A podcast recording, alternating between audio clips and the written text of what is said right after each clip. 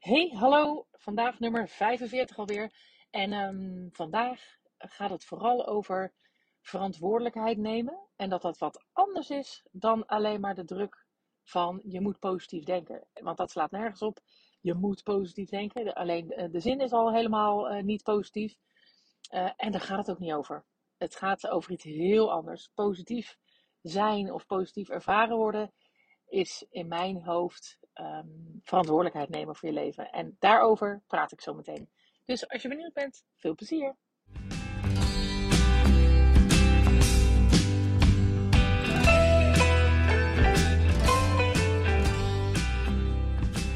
Ha, daar ben ik weer. Het heeft even geduurd. En uh, soms is het gewoon zo. En dan denk ik, uh, prima.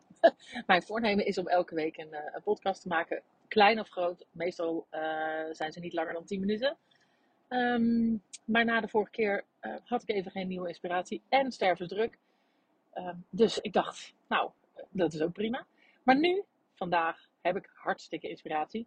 Um, overigens neem ik het wel weer op met mijn uh, AirPods in. En dat betekent vaak dat het wat blikkeriger klinkt. dus vergeef me bij voorbaat daarvoor. Vandaag wil ik het gaan hebben over iets wat ik in de krant las en wat ik wel vaker hoor. En toevallig uh, ook nog zelf iets van mij online is gekomen. Uh, waardoor ik dacht, daar moet ik het even over hebben. Waar ik het over heb. Er stond een artikel in de krant over um, de, besmettelijkheid van uh, dat mensen, zeg maar positiviteit, dat dat giftig kan worden omdat de mensen verwachten dat je altijd positief moet zijn. En nou, daar werd kritisch naar gekeken. Um, en dat er dus geen ruimte meer zou zijn in de maatschappij om ook gewoon eerlijk te zijn over gevoelens of uh, negatiever te zijn. En dat mensen dan zouden denken dat je alles kan oplossen met positiviteit. Tegelijkertijd kwam er vandaag een uh, interview met mij online uh, van Brabants Beste.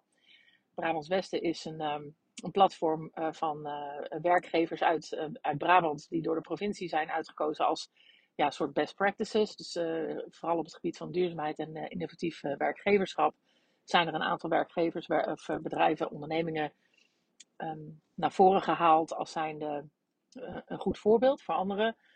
Um, en wij zijn dat geworden vooral op het innovatief uh, sociaal werkgeverschap, inclusiviteit. En die hebben een interview van mij, uh, met mij gedaan vorige week. Dat is hartstikke leuk. En dat kwam vandaag online. En dat, de kop is iets van, nou ja, dat, iets met positiviteit in ieder geval. En ik denk ook dat als mensen denken wat is mijn, uh, mijn kenmerk of waar kom ik meestal mee naar voren of in beeld, dan gaat het over die positiviteit. Nou, dat gecombineerd met het artikel dacht ik ineens, oh, maar ja, hier voel ik wel een verschil.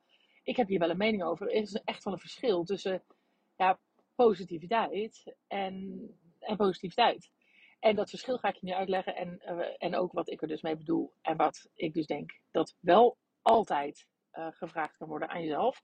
Um, en dat is niet alleen maar dat je een soort van achterlijk positief gaat liggen wezen over dingen die negatief zijn. Dat is niet de boodschap dat is wel een beetje wat, hoe het in de krant stond vandaag. Want wat er in de krant stond, stond bijvoorbeeld, nou ja, soms moeten gevoelens gevoeld worden. Soms uh, zijn dingen niet met een jus van alleen maar positief denken op te lossen.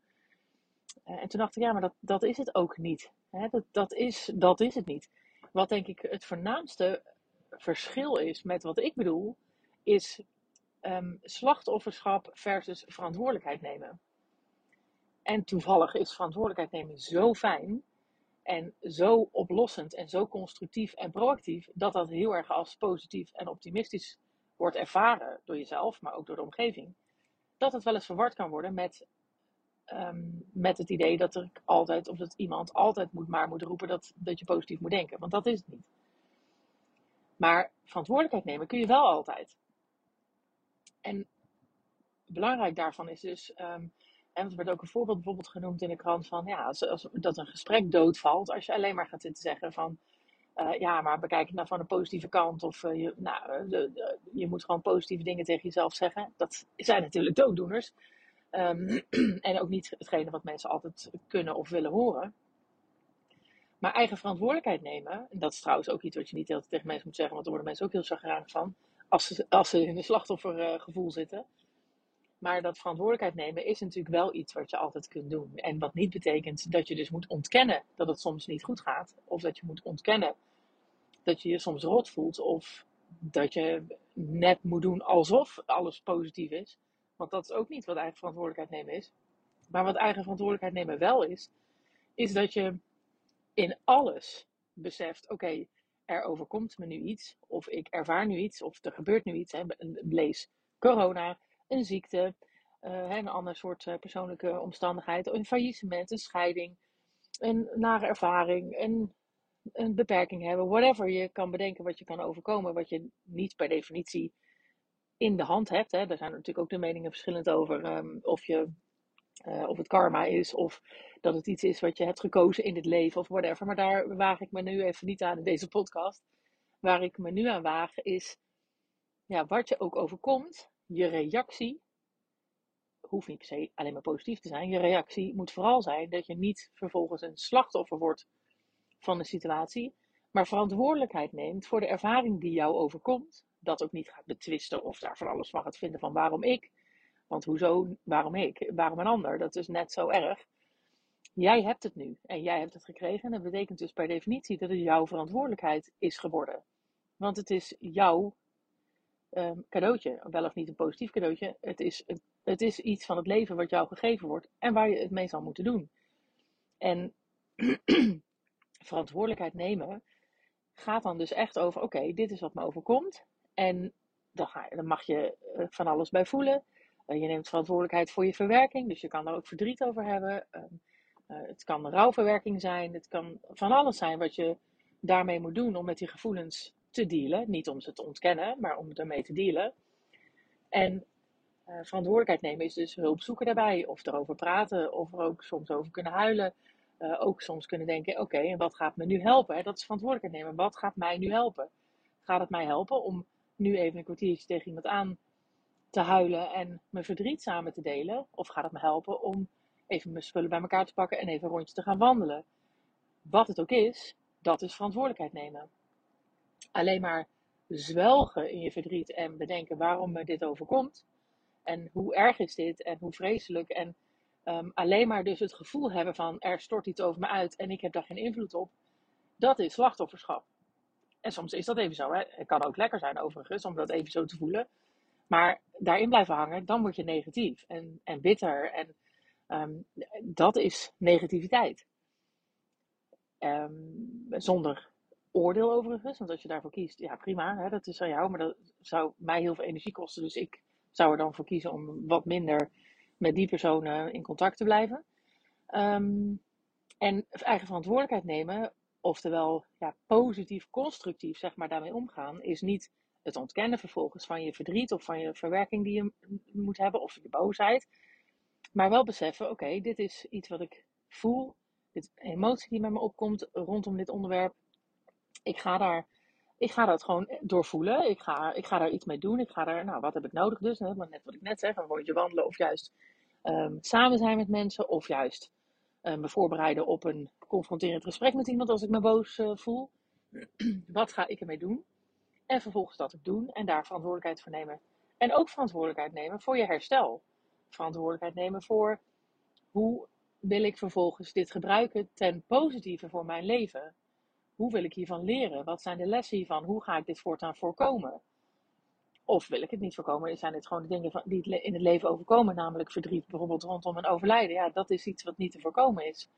En um, ja, daar zal je de goede dingen mee moeten doen, zodat je daar uh, op een gezonde manier dingen kan verwerken en vervolgens kan gebruiken voor een verbeterde situatie daarna.